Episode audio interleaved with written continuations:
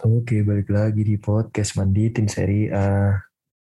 Ya, eh, balik lagi bersama kami di podcast Manditin Seri A. Yang sudah libur dua minggu. Libur dua minggu ya, nggak berasa ya. Iya nggak berasa. Kenapa Bre? Karena Apa, apa alasan kita untuk libur dua minggu sebenarnya? oh, gue jujur kagak nonton gue. dua minggu kemarin tuh kagak ada yang nonton satu match pun. Capek aja. Gak tau, gak tau kenapa tiba-tiba berasa capek aja gitu pas itu. Iya sih. Jadi agak-agak agak ke skip juga beberapa apa beberapa saat lah kayak pertandingan Serie A pun nggak nonton. Terus berita-berita juga lagi nggak up nggak update gitu maksudnya. Eh ya kayak kalau dari gue sih itu sih. Sama ya cuaca mungkin ada peran juga lah. Cuaca yang apa kurang baik lah iya panas ya. dingin panas dingin ya kayak gitu lah gue juga nggak ngerti padahal masih udah masuk bulan Maret ya Maret harusnya udah Iya. nggak pancaroba sih Seharusnya udah masuk musim kemarau ya. iya Maret Iya, April iya, Mei itu iya. udah masuk musim kemarau harus jadi Iya masih begini. Iya masih. Harusnya juga ini kan hujan gede kan. Iya, bahkan kompleknya temen gue aja di bilangan Ciledug City banjir bro. Nah iya. Iya. Jadi kayak wah. Orang gede. Iya gitu. Iya, iya. Kalau dari gue sih ya karena nggak banyak nggak nonton malah sama, sama sekali tuh mah nggak nonton gue. Kalau soal Iya itu gawean ada gawean aman loh. gawean alhamdulillah masih aman masih aman lah masih Iya, masih gua- terkendali lah. Gue juga per per Senin kemarin tuh udah masuk 100% kan. Oh Kalau gitu. Guanya, guanya, guanya Hmm. udah nggak ada WFA lagi gitu. Ya Hmm. apa sedih cuma eh ya Ya, gimana, ya? gimana ya? harus harus tambah Iya, iya. lama kan kita harus sehat, harus harus apa ya harus beradaptasi kan tambah lama. Dan gue juga Hmm. senang sih akhirnya bisa masuk lagi gitu. Hmm, ya udahlah ya nikmatin aja gitu. Iya. part, the part of my job and you Iya our biasa job lah. ya. Iya tempat our job lah. Kalau kalau Our gue, job and our journey. yoi. kalau gue lebih ke apa ya? Gue gue jujur aja Liga Italia juga nggak nonton gue karena eh, Lazio mainnya malam gitu. Palingan gue cuman Iya, iya, iya. beberapa kali nonton nonton yang apa ya kemarin ya Sabtu ya gue nonton laga apa tuh yang sore-sore gitu sih. Tapi gue juga nontonnya cuma bentar gitu. Sama Hmm. palingan gue cukup kecewa sama performa eh, tim gue sih di lokal maupun internasional. Di lokal gue nggak bakal bahas ya. Pokoknya ya adalah satu tim satu tim Indonesia lah ya pokoknya. Oh ya. Gue cukup kecewa sama permainannya. Terus juga kalau misalnya Lazio sih sebenarnya masih angin-anginan ya. Kalau Iya kelihatan nih. kelihatannya dari masih formnya. angin-anginan nih ya dari performnya gitu. Eh, pokoknya nanti ya pokoknya intinya kita bahas nanti aja deh ya. Mm-mm. Kalau dari berita, ada Siap. berita apa nih bang? Yang lagi hangat. Kalau dari berita mungkin ini nih ada eh, urusan ini nih perwasitan. Oke. Jadi menurut Sky Sport, Marco Guida sama Davide Massa akan disuspend eh, oleh Asosiasi Wasit ya, Itali karena eh, beberapa kali ter- terbukti ini sih eh, bikin kontro eh, bikin kontroversial, bikin kontroversial dalam pengambilan keputusan. Eh, u- udah maksudnya dalam dua giornata terakhir tuh sering ada ini eh, keputusan yang inilah yang kontroversi dibikin sama dua ini dua wasit ini karena pertama eh, Marco Guida atau Davide Massa ini suka ganti-gantian eh, Hmm. jadi wasit VAR sama wasit eh, utamanya Mm-mm. jadi satu jadi wasit utama satunya lagi dia jadi wasit VAR nah Oke. eh per kalau nggak salah dua minggu kemarin ya gue agak-agak ini agak kalau nggak salah ya si mungkin salah satu si tag team ini tuh memimpin laga apa ya? Eh kalau nggak salah gue lupa dulu. Eh apa- oh Milan Udinese Milan Udinese. Mm-mm, Oke. jadi uh, di pertandingan lawan apa Milan Udinese ini harusnya uh, golnya Udinese itu nggak disahin si Udogi itu golnya Udogi yeah. harusnya nggak disahin karena terbukti handsball cuman padahal udah uh, uh, pemain Milan tuh udah ini udah protes gitu karena kelihatan jelas kalau itu handsball terus akhirnya lihat VAR kan nah si si wasit VAR-nya kalau nggak salah si Davide Massa deh yang ini hmm. yang jadi wasit VAR-nya itu bilang kalau itu tetap ini. Tetap masuk? Tetap dia tetap disahin golnya kayak gitu. Oke. Okay. yang nah yang yang terbaru yang kemarin nih yang Inter sama uh, Udinese juga ya kalau salah. Eh Inter sama apa sih kemarin dia? Inter lawan, lawan siapa ya? lawan Torino. Torino. Torino. Nah itu di ini bukannya gua apa ya bukannya mendiskreditkan uh, Inter juga ya maksudnya ini emang kelihatan kalau di ada salah satu momen ketika Belotti yang jelas dilanggar di kotak penalti tapi akhirnya nggak dikasih uh, apa uh, hukuman berupa penalti gitu. Mm. Ini bukan bukan bukan karena ini Inter ya, tapi gue melihat uh, objektivitasnya aja maksudnya. Mm-hmm. Emang beneran kelihatan pelanggaran dan yang pertama yang tadi gue bahas itu si Odogi juga beneran ini beneran handsball dan wasitnya mm. uh, wasit pelatihnya si Udinese pun ngaku kalau misalnya ya itu emang handsball cuman ya gimana kita harus uh, play the game gitu ngikutin gamenya ngikutin wasit mm-hmm. gitu mm-hmm ya gitu jadi si pelatihnya juga nggak eh, nggak bisa berbuat apa-apa karena yang ngambil keputusan kan wasit nih. Mm-hmm. kayak gitu pak. Jadi akhirnya dia disuspend dan akhir uh, akan memimpin uh, beberapa laga dulu ke seri B. Jadi turun dulu ke seri B dan uh, uh, setelah beberapa waktu dia bakal mereka tuh bakal balik lagi ke seri A. Semoga ya inilah jadi lebih baik lah. Mereka itu dalam sebenarnya, keputusan sebenarnya, nantinya. sebenarnya keputusan cara ngambil keputusannya uh, wasit-wasit Itali hampir-hampir sama dengan wasit Indonesia ya banyak polemik kayaknya.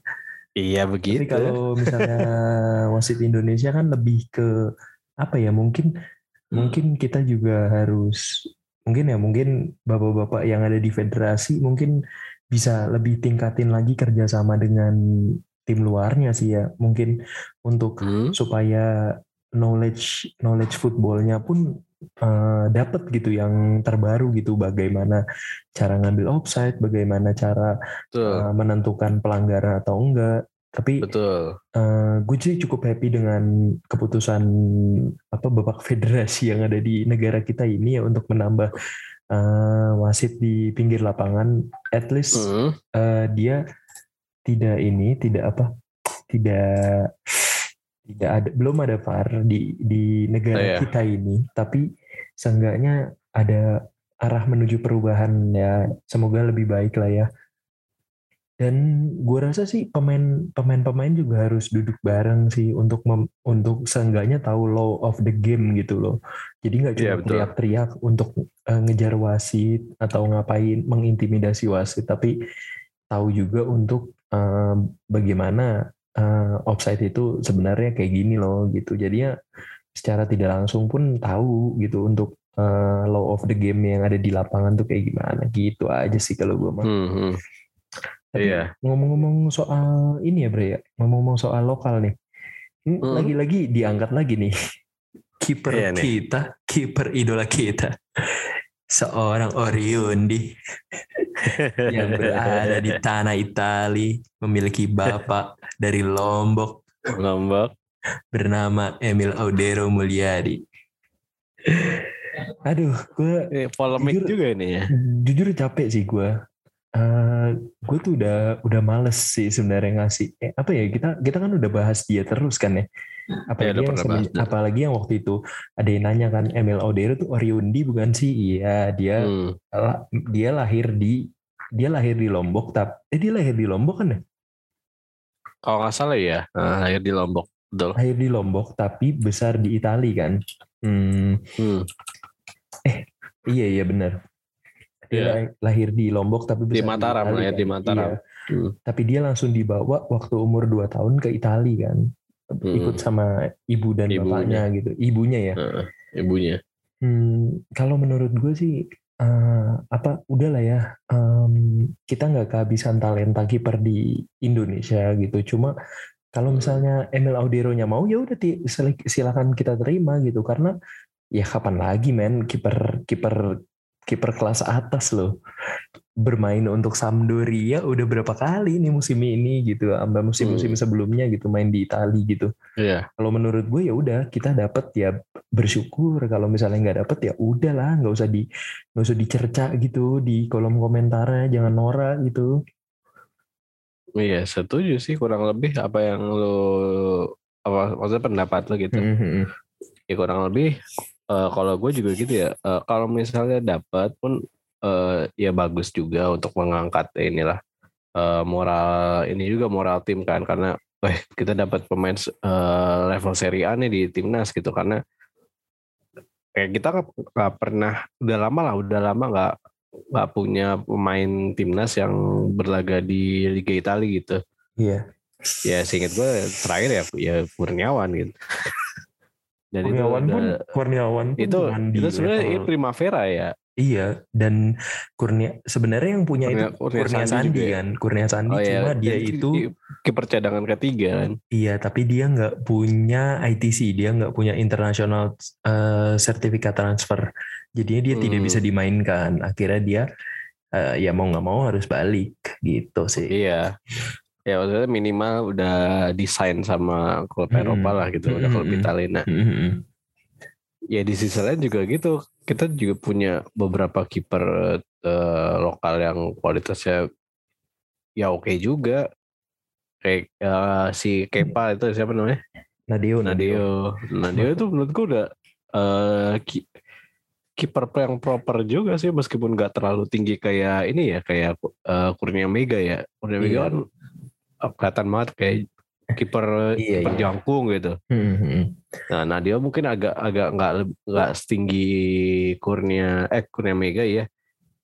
Tapi eh, udah terhitung oke sih penampilannya di kejuaraan kemarin yang kita gagal jadi juara itu. Iya, tapi Kurnia Mega kan juga sempat kemarin kan eh, ini kan apa ngasih apa nge-tweet yang nadanya itu sarkas sebenarnya ke federasi Hmm. kita gitu ke federasi kita tuh Hmm. maunya yang instan gitu jatuhnya em, dia nge-tweet em, apa eh, mau nyari kopi instan nih eh, dari luar negeri enaknya apa ya gitu Oh. secara tidak iya. langsung kan dia berarti kan eh, dan orang banyak yang bilang bahwa itu nyindir ini kan nyindir nyindir ini gitu dengan adanya Ah, keputusan iya. mau eh, apa naturalisasi eh, Emil Audero gitu. Emil Audero. Iya. Eh, update terbarunya sih em, agennya setuju tapi Emil Audero-nya masih mikir-mikir dan akhirnya Iya, Emil Eh, Audero masih Bapak, mikir dan Bapak Sekjen PSSI yang punya link banyak banget yang lagi dicintai ini sama warga Indonesia itu Bapak Hasan Abdul Ghani itu Hmm. bilang bahwa kita eh, stop eh, perburuan Emil Audero untuk hari ini gitu karena em, terkesan lama dan terkesan ada Eh, tarik ulur ya. iya tarik ulur dan Indonesia harus segera memproses eh, dua pemain naturalisasi lagi gitu dan akhirnya sepertinya sih jatuh ke eh, dua pilihan lain ya ya pokoknya kita terima aja lah ya eh, apa pun keputusan apa pun keputusan yang baik ya eh, dari Hmm. Ya nggak nggak tahu juga kan kalau misalnya nanti Emil nggak kepanggil panggil timnas Itali sampai umur 28 dan dia akhirnya bersedia Oh iya. Iya. ya kita kita coba bisa bersyukur aja gitu dengan Hmm. kehadirannya dia nantinya gitu kan bahkan di bahkan usia matangnya kiper kan umur 28 ke atas kan ya Iya. setuju gak sih lu Hmm, iya betul. Mm-mm, jadi kayak Karena makin lebih banyak experience ya kan dia. Mm-mm, iya gitu jadi kayak menurut gue sih ya udahlah dapat nggak dapat ya udah bersyukur aja gitu kita nggak kehabisan talenta kiper eh, di Indonesia gitu Iya. itu sih kalau pandangan kita sih Iya, Pak. Ya kalau misalnya boleh nambahin mungkin ini sih eh apa ya? Kalau dari gue sendiri lebih lebih suka eh, pemain eh, timnas tuh yang pure aja gitu, nggak ada yang naturalisasi karena sepengamatan gue nonton timnas kayaknya lebih greget eh, timnas yang main tuh tanpa yang naturalisasi sih. Hmm, iya sih. Kalau menurut gue Cuma- ya, Cuma kan gue- orang-orang kan Iya, cuman Orang- orang-orang kan nggak bisa. Ya, gimana ya, orang-orang ada yang nggak bisa nerima kayak Mm-mm. gitu. orang-orang kan udah mungkin udah lelah juga ya sama timnas Iya. kita yang cuman bisa sampai runner up doang gitu. Oh, Hmm, iya. Tapi menurut gue iya sih benar sih. Eh, bahkan gue gue pun suka timnas di bawah asuhannya Sintayong gitu loh. Eh, Ah, iya.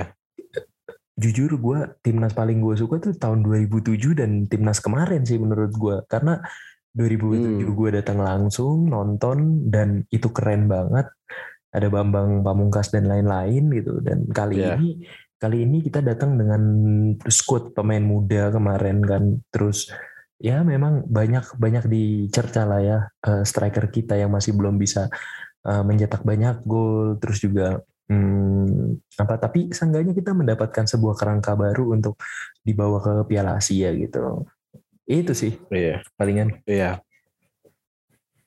udah kali ya kita bahas laga kemarin aja kali ya Hmm. di segmen berikutnya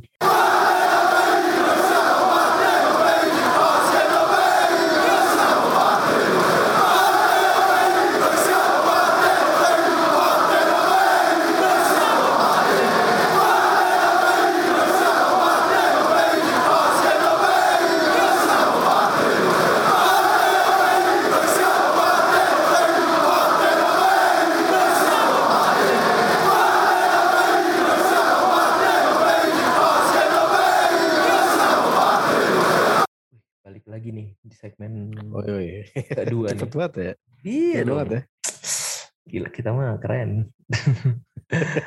Kemarin nih eh, laga laga laga eh, Giornata ke-29 telah dimainkan dari tanggal 12 kebetulan. Jadi sekitar hari Sabtu eh, waktu Indonesia dimainkan sampai tadi nih tanggal 15 gitu. S- di tanggal 12 itu ada dua pertandingan Spezia Cagliari sama Salernitana Sassuolo nih. Spezia meraih kemenangan lagi nih Hmm. atas Cagliari. Cagliari semakin terbenam ya Makin di terbenam di, ya. di bawah. Heeh. Walaupun, Walaupun eh, sebenarnya dia masih di udah, atas udah di atas iya, udah zona keluar. merah. iya dia udah keluar dari zona degradasi dengan beberapa eh, hasil positif yang dia raih di Giornata sebelumnya. Tapi em, nampaknya masih belum konsisten sih kalau menurut gue sih. Hmm, ya. dan Setuju sih. Spezia pun juga eh, apa juga nggak mau nggak mau terdegradasi juga sih apa musim ini dan eh, salah satunya dia eh, udah mem- memenangi 8 pertandingan pada musim ini dan itu cukup bagus sih modal yang cukup bagus untuk bertahan di Serie A sih sebenarnya menurut gua gitu. Hmm, tapi kalau misalnya dibandingin sama Spezia tahun lalu sih ini agak ini ya. Iya sih ada, agak menurun ya. Ah, agak menurun sih karena kemarin tuh dia finish di atas urutan 11 kalau nggak salah. Mm, mm, mm. Tapi Gitu sih. se- seenggaknya kan em, Dia bertahan lah. eh, apa Thiago Mota yang kita awal kita ragukan di awal-awal ya. Kita ragukan di awal-awal gitu dengan formasinya yang unik salah satunya gitu.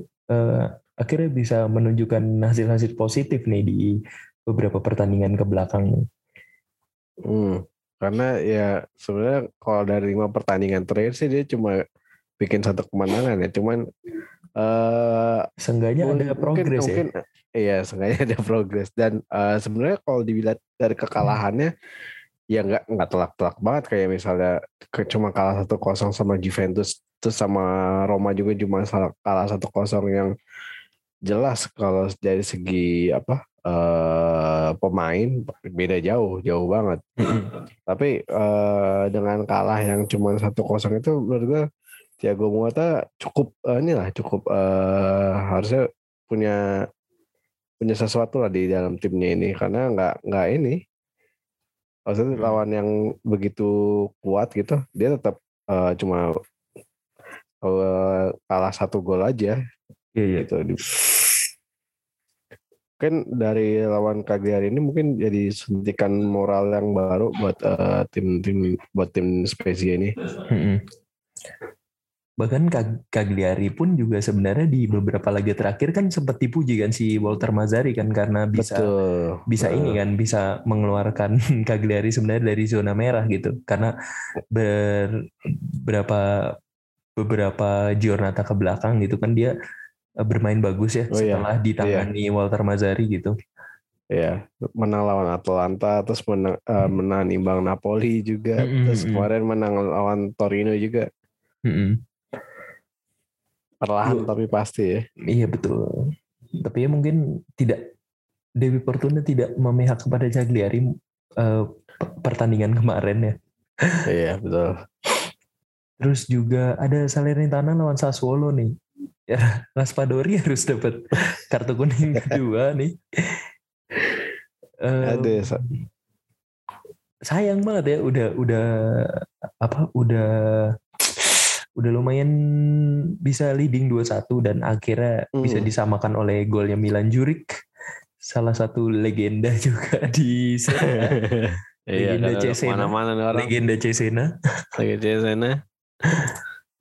Eh, tapi kayaknya eh, Salernitana masih ini ya masih apa masih berpeluang lolos seandainya dia bisa memenangi beberapa pertandingan ke depan karena dia udah memperoleh 16 poin nih Sek- sekarang terpaut 3 poin Iya, sama Dan masih Genoa. nyi- masih nyim- masih nyimpan dua laga ya. Iya dia masih nyimpen dua laga sih sebenarnya. Ini sebenarnya eh, jadi dua Bisa laga jadi ini sih bisa penting. iya bisa modal penting untuk eh, mendongkrak eh, posisinya seenggaknya em, Posisi menaikin 19. iyalah ya menaikkan Posisi diri di 19. posisi 19 lah. Karena sama- Venezia eh, selisih golnya masih beda jauh banget ya. Mm, Karena mm, mm.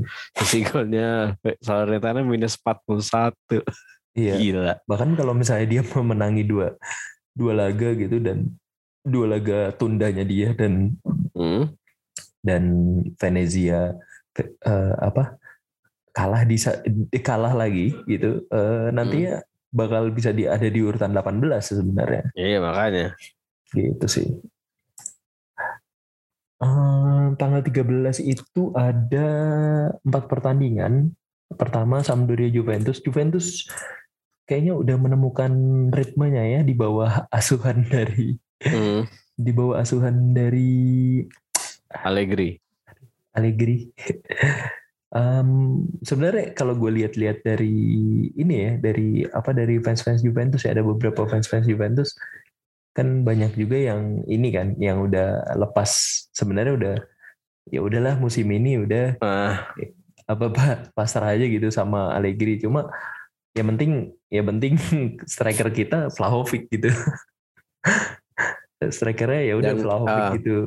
dan tetap ini ya apa bikin catatan 15 kemenangan tanpa kalah ya. Mhm. Kemenangan beruntun 15 kali itu Allegri. Iya, dan akhirnya akhirnya karena kemenangan ini juga eh, me- memantapkan diri untuk menjauhkan dari kejaran dari Lazio, Atalanta dan Roma sementara dengan selisih sekitar eh, lima poin ya, lima poin atau eh enam poin, enam poin sorry, Hmm. eh enggak tujuh poin sorry, karena Lazio 49 kan. Atalanta, iya. seben- Atalanta masih nyimpan satu pertandingan. Satu pertandingan. Heeh, dan Fiorentina juga masih nyimpen satu pertandingan sih sebenarnya di urutan ke-8. Masih ada potensi mengejutkan sampai akhir musim. Kita Betul. tunggu aja. Tapi kalau misalnya lu ngelihat permainan Juventus kali ini gimana, Bray? Ini kebetulan gue nonton ya, jadi sebenarnya gue nggak ada niatan buat nonton tapi kebangun di tengah malam ya udah akhirnya coba nonton lah.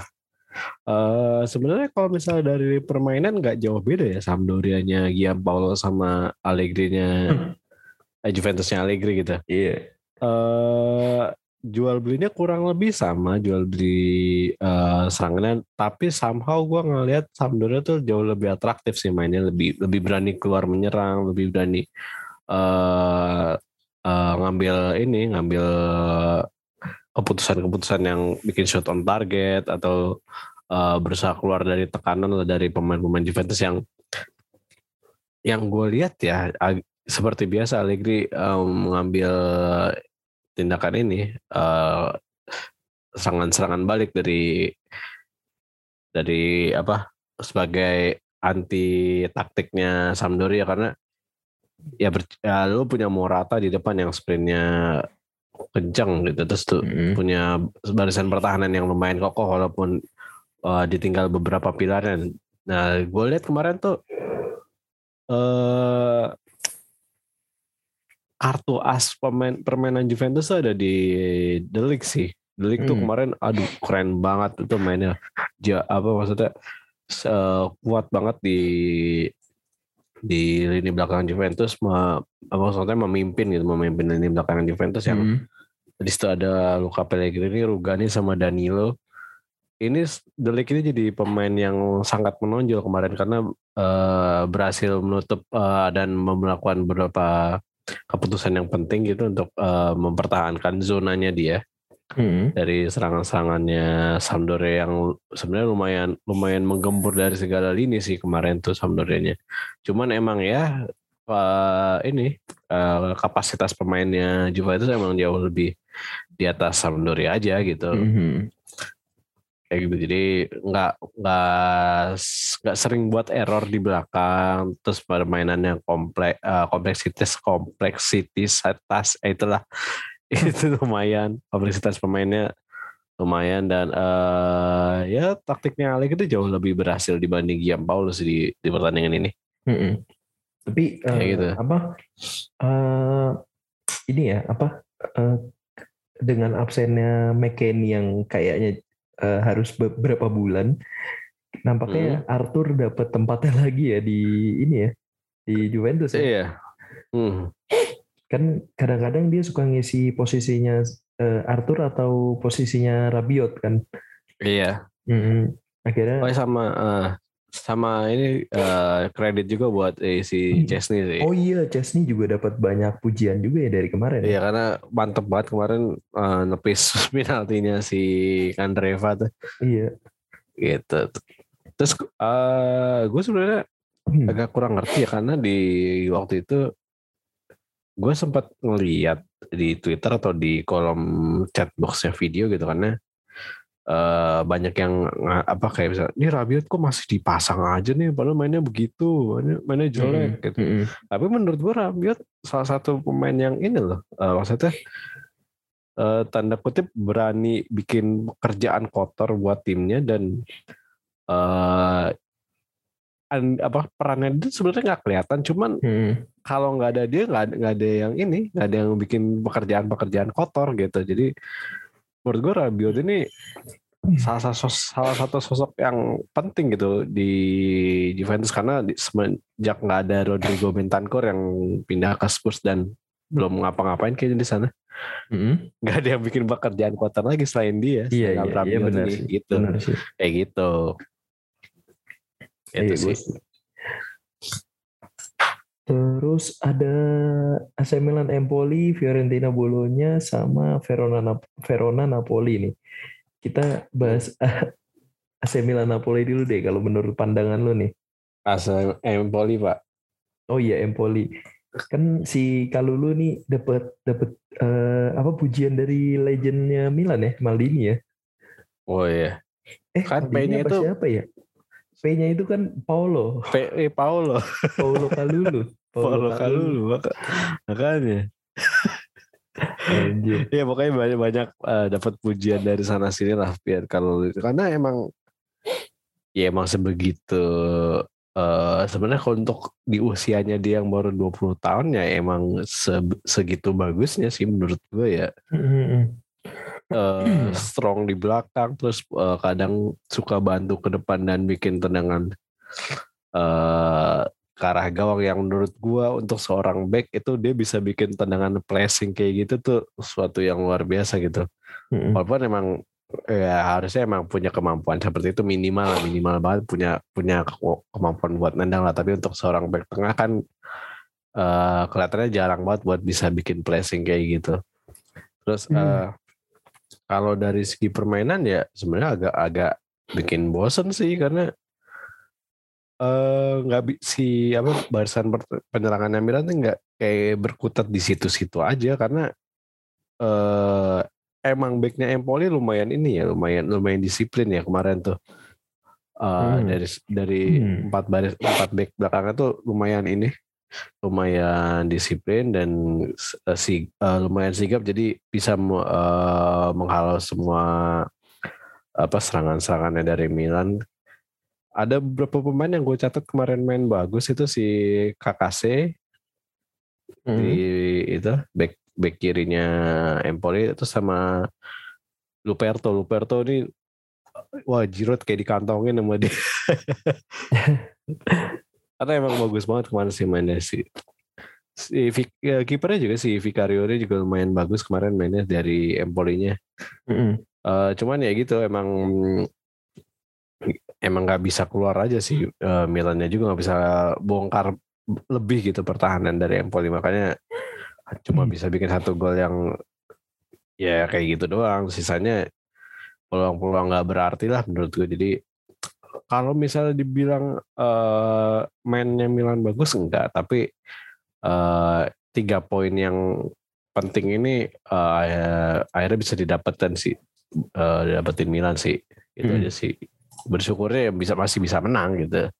Tapi Iya. ter- kalau terlepas dari lihat permainan permainannya sih jadi kelihatan gitu sebenarnya eh, Milan itu lemahnya di mana? Pakai strategi apa gitu. Jadi kelihatan banget di laga ini sih nggak bisa keluar dari tekanannya oh, bukan nggak bisa keluar dari tekanan. Nggak bisa bongkar pertahanannya Empoli sih gitu. Iya, kan gue juga udah bilang dari lama ya bahwa saat di awal musim ada permasalahan di lini belakangnya AC Milan gitu, gue sempat eh, bilang juga di awal-awal podcast ini bahwa eh, kenapa nggak nyoba Kalulu sih gitu, Kalulu mainnya bagus, dia pemain muda yang potensial gitu. Dan akhirnya eh, akhirnya bener kan dia mendapatkan banyak eh, banyak jam terbang juga. Em, dan bisa memaksimal eh bisa ini gitu bisa eh, mengisi back tengah gitu. Dan bagus banget mainnya gitu. Jadi kalau jadi Hmm. menurut gue sih eh, ya apa AC Milan dapat berkah lah ya banyak berkah banget gitu. Ya setuju sih setuju sih. Ya gitu sih Pa- di situ ada Verona Napoli nih yang eh, Napoli di laga sebelumnya kan kalah lawan AC Milan gitu dengan gol tunggal dari Olivier Giroud Olivier dan kali ini bisa menang nih atas anak asuh dari Igor Tudor ya. Hmm. Tapi ini lumayan banyak ada hujan kartu juga nih kebetulan untuk Verona ya. Karena ada dua kartu merah. Dan dua kartu kuning. Dan dua kartu kuning. Em, tiga tiga kartu kuning dong. juga Eh iya ding. Dua ding. Si Cecer ini kan Kan- dapat ini ya. iya. Kartu kuning juga. Kalau lu ngelihat dari si anak asuh Spalletti nih gimana nih? Kalau dari uh, Napoli-nya ya sebenarnya eh, apa ya? Seperti biasa sih Spalletti kadang suka eh, ini eh, apa ya? Kayak misalnya nggak terlalu konsisten lah. Ketika pertandingan-pertandingan menuju big match tuh suka ngasih apa? Kasih visual yang meyakinkan wah ini bisa nih wah ini bisa nih tapi ternyata pas eh, di laga big match-nya itu malah malah melempem gitu itu sering banget Spalletti kayak gitu tuh kayak sebelum big match Dari Roma bisa- pun juga dia kayak gitu kan sebenarnya dia. iya dari dari Roma dari Roma dari Roma dia, dia Dari udah kayak Roma, gitu uh. sebenarnya. Heeh. jadi menjelang big match tuh eh, ngasih ngasih ini ngasih bukti wah kita bisa nih ngelawan apa menangin laga big match gitu. Tapi ketika big match-nya malah agak-agak melempem nih. Iya. nah setelah big match-nya itu baru baru baru keluar tuh. Napoli yang benernya tuh. Mm-mm. Napoli yang berani, berani gitu yang berani tempur berani eh, ngambil apa eh, kesempatan-kesempatan kecil mungkin. Karena beberapa kali gue lihat eh, pergerakan jenius dari eh, Politano dan si siapa Lozano. di, di Lorenzo nggak dari nggak dari Oh oke oke si- Dari dari sisi kanan berarti ya. sisi, sisi kanan Napoli itu ini ya eh menghasilkan dua golnya Osimhen itu Osimhen. karena dari per, Hmm. ah, pergerakan dari sisi kanan karena terlihat bahwa si apa eh, Politano sama Lorenzo ini punya se punya kreativitas lah untuk memecah kebuntuan untuk eh, tiba-tiba ngambil inisiatif untuk mengeksploitasi ruang kosong atau atau ruang di antara back gitu-gitu. Jadi eh ya itu menurut gue seremnya Napoli eh, kelihatan sih di laga ini sih begitu eksplosifnya si eh,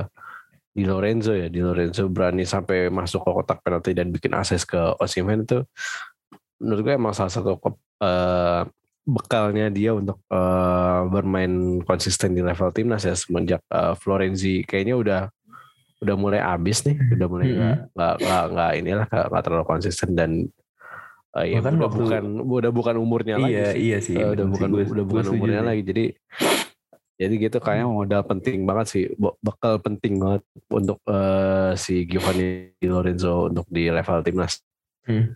kayak gitu Terus ada Fiorentina lawan Bolonya. Fiorentina akhirnya meraih kemenangan lagi. lewat ini ya golnya Torreira ya Iya, lewat golnya Torreira ya. Eh meskipun masih ada satu tabungan pertandingan ya. Betul. cuma ini menjadi modal penting sih sebenarnya buat mengangkat eh, Iya, mengangkat kepercayaan ini ya, diri. kepercayaan diri lagi ya. Karena dia kan bah- sekarang eh, ada di urutan eh. delapan gitu. Iya, Bahkan dan un- dan uniknya setelah Hmm. laga ini si Torreira langsung di eh, diniatin mau dipermanenin dari Arsenal karena cuman Oh iya. eh, 15 juta euro doang dan eh, per- eh, di pertandingan ini si apa manajemennya Fiorentina udah ah yakin nih kayaknya gue ngambil Torreira aja lah gitu Mm, mm, mm. buat yakin manajemen eh, Fiorentina untuk eh, itu sih Iya. Karena ka- eh kabarnya juga Stadion Artemio Franchi akan mendapatkan pemugaran ya. oh gitu Iya, Akhirnya ya? akhirnya, Akhirnya ya? dapat pemugaran ya. Eh, akhirnya S- Salah satu stadion tua yang sudah menghiasi Serie A dari tahun 90 kalau kalian nonton Serie A Oh, dari iya. tahun 90 gitu. Dengan khas yang tribunnya cukup jauh ya. Sebenarnya sempat direnovasi juga dulu, tapi kecil banget sih renovasinya cuma renovasi tempat duduk doang kalau nggak salah di Hmm. 2013. Cuma kan dari beberapa yang pernah kita sih. sampein juga ya, pernah kita ngobrol juga Ah. sama Fiorentina Indonesia gitu bahwa udah banyak eh, bocor di mana-mana, terus juga Iya dan stadion Ah. tua banget, tapi tentu ada udah Ya. jadi ini kan apa kayak apa Cagar situs budaya. buda- situs- cagar budaya. ya cagar budayanya salah satu Situs kota sejarah. Florence, iya. Iya. Jadi ya sebenarnya ini adalah sebuah langkah yang bagus ya untuk eh, apa tim Fiorentina gitu, tim Mm-mm. tim tradisional Itali gitu. Ya gue cukup Yoi. cukup happy sih dengarnya gitu dengan Mm-mm. apa banyaknya stadion Italia yang eh, akan direnovasi gitu. Terus Pak. ada empat laga di eh, eh, di tanggal 14. Eh ada tiga laga di tanggal 14 dan satu laga di tanggal 15 yaitu terus ada Udinese Roma, Atalanta Genoa sama Torino Inter. Tiga-tiganya bermain seri. Udinese di di beberapa pertandingan terakhir juga ini ya apa menangnya tipis atau seri aja ya. Eh, ini eh, bikin bikin tim-tim gede kesandung aja udah tugasnya tuh kemarin Milan sekarang Roma Iya. terus kemarin se- sebelum Mm. eh, Milan ini juga Lazio kan kena kena Oh iya, single kena- juga tuh kena kena, sandung juga. juga, mm-mm. Udah. Eh, kalau lu lihat nih apa nih apakah ada eh, faktor kelelahan dari Roma gitu karena dia kan habis main di ini kan eh, apa W WWCL ya lawan si WCL. ini lawan VTC. Sebenarnya kalau masalah ah, kalau misalnya kelelahan sih nggak nggak terlalu kelihatan ini cuma kayak adu strategi aja Mourinho sama pelatihnya Udinese siapa namanya eh Ciovi Mm-mm. Ini cuma kalau misalnya dari kelelahan sih kayaknya nggak nggak begitu kelihatan ya. Cuman emang Karena kan eh, ini juga mainnya tanggal 11. mm-mm, Sebenarnya ya masih ada eh, masih rest. ada sih harusnya Rest, masih ada rest. eh, Eh, ya dua hari sih sebenarnya. Iya, cuman kalau misalnya dari jalannya pertandingan mungkin nggak nggak terlalu kelihatan ininya sih kayak ada faktor kelelahan karena emang yang hampir inilah meskipun sebenarnya dari kalau dari statistik sih nggak nggak terlalu kelihatan ini ya eh, beda jauh ya. Tapi Sergio Sergio malah- Oliveira malah- juga kan di awal babak babak kedua kan ditarik kan. Mm, Eh, karena eh, eh, dia udah membantu Roma memenangkan laga melawan Vitesse kemarin dengan Vitesse, menjadi ya? pahlawan iya mencetak Hmm. gol kemenangan gitu dan di menit 46 dia ditarik kan Em, untuk Oh, iya. mungkin lebih untuk menjaga kebugaran Menjaga di pertandingan kebugaran, kan? iya Nah. di pertandingan selanjutnya gitu. Iya. Iya, kalau misalnya kalau misalnya dari statistik sih nggak nggak terlalu kelihatan kalau misalnya ini ya eh kayak siapa yang berhasil apa bikin peluang lebih Hmm. banyak ya itu cuma beda satu shot doang tapi dari efektivitas peluang maksudnya Hmm. Eh, ini ya shoot on targetnya Udinese lebih banyak dibanding Roma dan eh untuk tim sekelas Udinese bisa bikin peluang maksudnya bisa memecah inilah memecah eh, ketangguhan barisan eh, pemainnya Roma menurut gua udah lumayan sih. Bahkan golnya Molina ini keren banget sih gue bilang sih. Iya.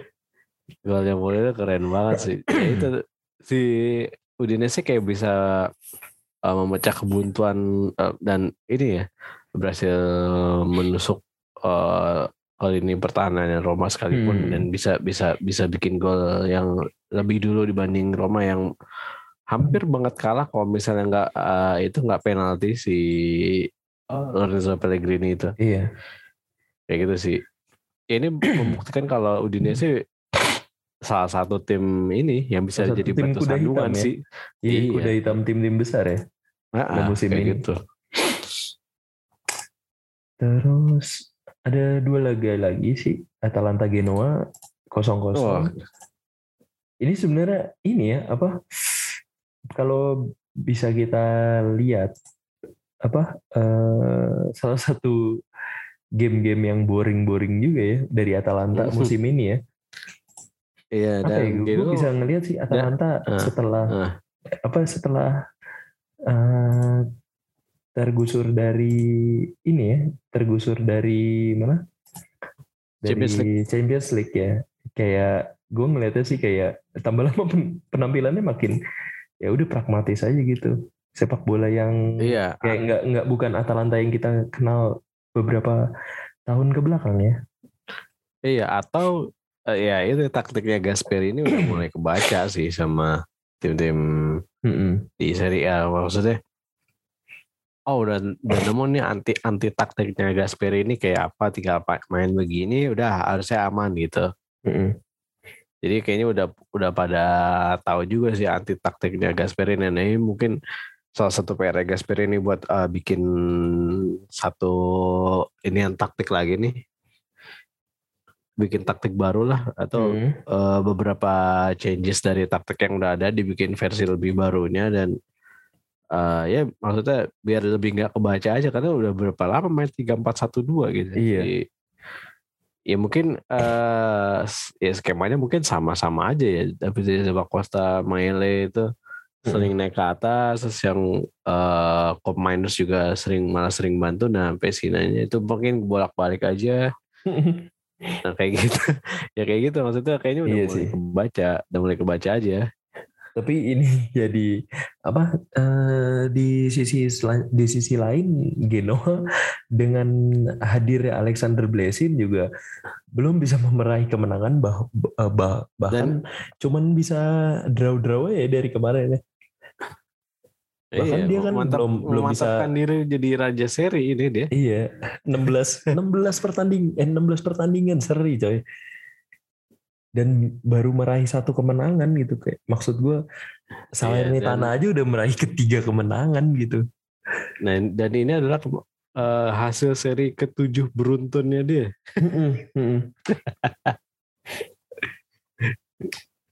Luar biasa emang Gena. Um, terus ada Torino Inter yang tadi kita sempat singgung di awal ya. Salah hmm, satunya betul. yang kepemimpinan dari Guida. Guida dan siapa tadi? Masa. Masa ya Davide Masa. Um, ya jadi salah satu berkah juga ya buat Inter Milan ya. Uh, tidak dia dapat dapat penalti gitu Torino hmm. dan tetap menjaga asa untuk uh, perebutan Berko, Scudetto uh, musim Scudetto. ini. Uh, hmm. Meskipun terpaut empat angka dari AC Milan dan satu angka dari Napoli dan tiga angka juga ya dari Juventus ya sekarang ya. Juventus perlahan, men, tapi Inter ini kan masih ada satu tabungan pertandingan ya. Hmm. Um, ya palingan seharusnya bisa bisa tambah meramaikan lagi sih uh, perburuan perburuan Scudetto musim ini sih karena Juventus pun uh, juga pengen ngincar Scudetto juga kan musim ini. Tapi ya kalau kita lihat permainan dari Allegri yang seperti seperti itu aja sih uh, ya dibutuhkan luck yang gede juga ya. Betul betul. Luck tuh penting di seri uh, kayak 90 persen, uh, bukan 90 persen, kayak 80 persen dengan latihan, 20 persennya luck. Dan isu-isunya juga dia ya seperti kita tahu bahwa dia habis menjual Lukaku dan Lukaku ingin kembali ke Inter karena Chelsea hmm. diterpa oleh masalah masalah uh, yang dibuat oleh uh, pemerintah pemiliknya hmm. dan harus dibekukan gitu dan kabarnya juga ke kesulitan dan eh bukan kesulitan dan eh kayak uh, dananya di banyak eh dananya dibekukan dan apa uh, sementara disita oleh aset eh si, sementara Chelsea ini kan dilimpahin ke ini Inggris ya pem, ke pemerintahan Inggris ya iya yeah, iya yeah. sementara untuk mencari apa titik terang penjual uh, penjual baru, eh penemu, eh pembeli baru, maksud gue, ya Lukaku tetap, eh akhirnya berha, eh, berharap untuk balik lagi gitu ke Inter. Tapi ya kayaknya si Inter juga, apa fans-fans Inter juga udah muak juga sih sama kelakuannya Lukaku kan, karena dia uh, lebih memilih uang daripada uh, stay di Inter di masa-masa sulitnya gitu. Tapi berkat Lukaku juga kan Inter juga bisa mendatangkan pemain yang diinginkan oleh Simone Inzaghi kan. Jadi iya, ya dilema sih, sebuah dilematis juga ya untuk uh, apa uh, Inter Milan gitu. Kalau yang terakhir sih ya udahlah ya. Lazio Venezia. Tapi ini, ini loh si Ciro Immobile, Ciro Immobile catatkan rekor jadi iya, ini ya. 144 cetak gol, cetak uh, pencetak gol terbanyak sepanjang masa lewat Silvio kalau, Viola ya. Iya Silvio Viola.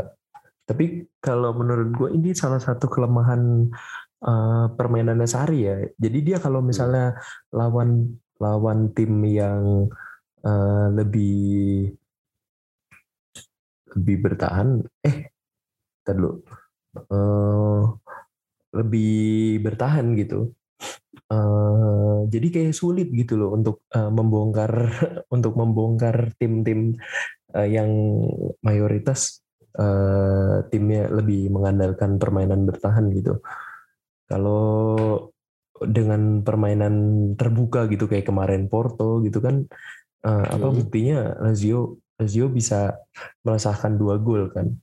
Cuma ya yeah. uh, ini jadi model penting juga sih untuk apa uh, Lazio ada di zona Eropa dan berta uh, masih bertarung untuk memperebutkan spot keempat.